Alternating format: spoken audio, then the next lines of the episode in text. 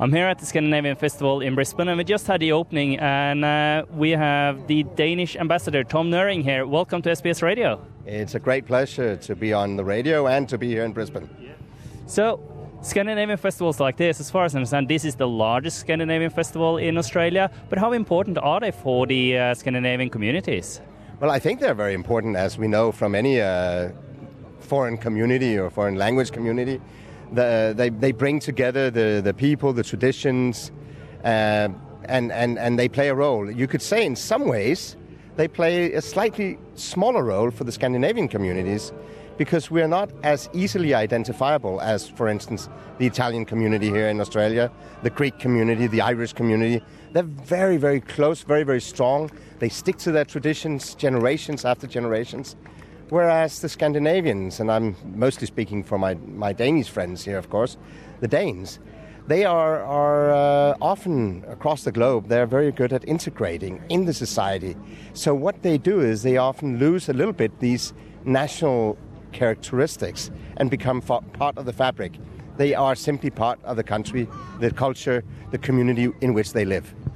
Why do you think that is that the Danes and probably also the rest of Scandinavians actually do blend so well in compared to others that choose to stick more with their home country?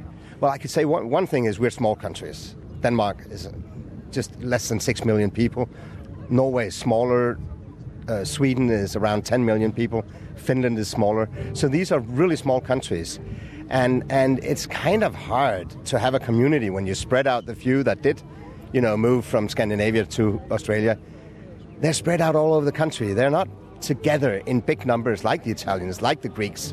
The, of course, the British are almost the, the backbone of Australia, so that's a different story again. So that's one reason.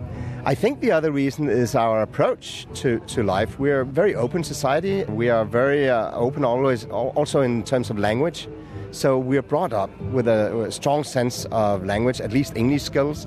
So that means we are, again, very, very easy to, uh, we, we have an easy time adapting because we are, we're already up to speed. If you take the Italians, if you take the Greeks, a lot of them will have to, you know, take a few steps to get there. And maybe the guy who comes here to work speaks English, but his wife doesn't.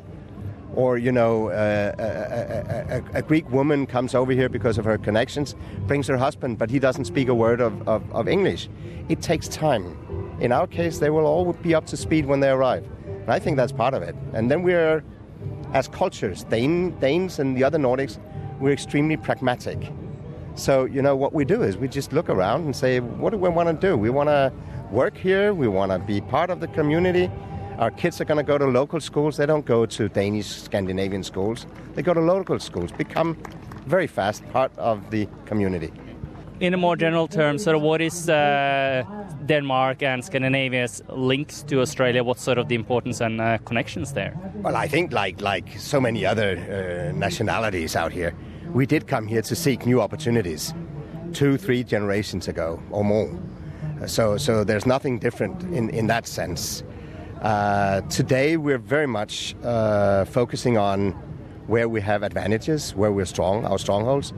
What do we have to offer the Australian society? And that's how I think Danes and the other Scandinavians, how they move out of our own countries, is when we do have a, a sense of uh, know-how, knowledge, skills that are needed where we go. We, did, we don't just leave. We're very happy where we are. But if we can see that our skills and know-how can be brought to better use in other places, then we move out. And I think, again, that gives us a slight advantage to others. We're not fighting to get a position in society. We're coming here because we already have something to bring to society here. Ambassador, thank you so much for talking to us here at SBS Radio and have a wonderful day at the Scandinavian Festival. Great. I'm looking forward to it. Thanks.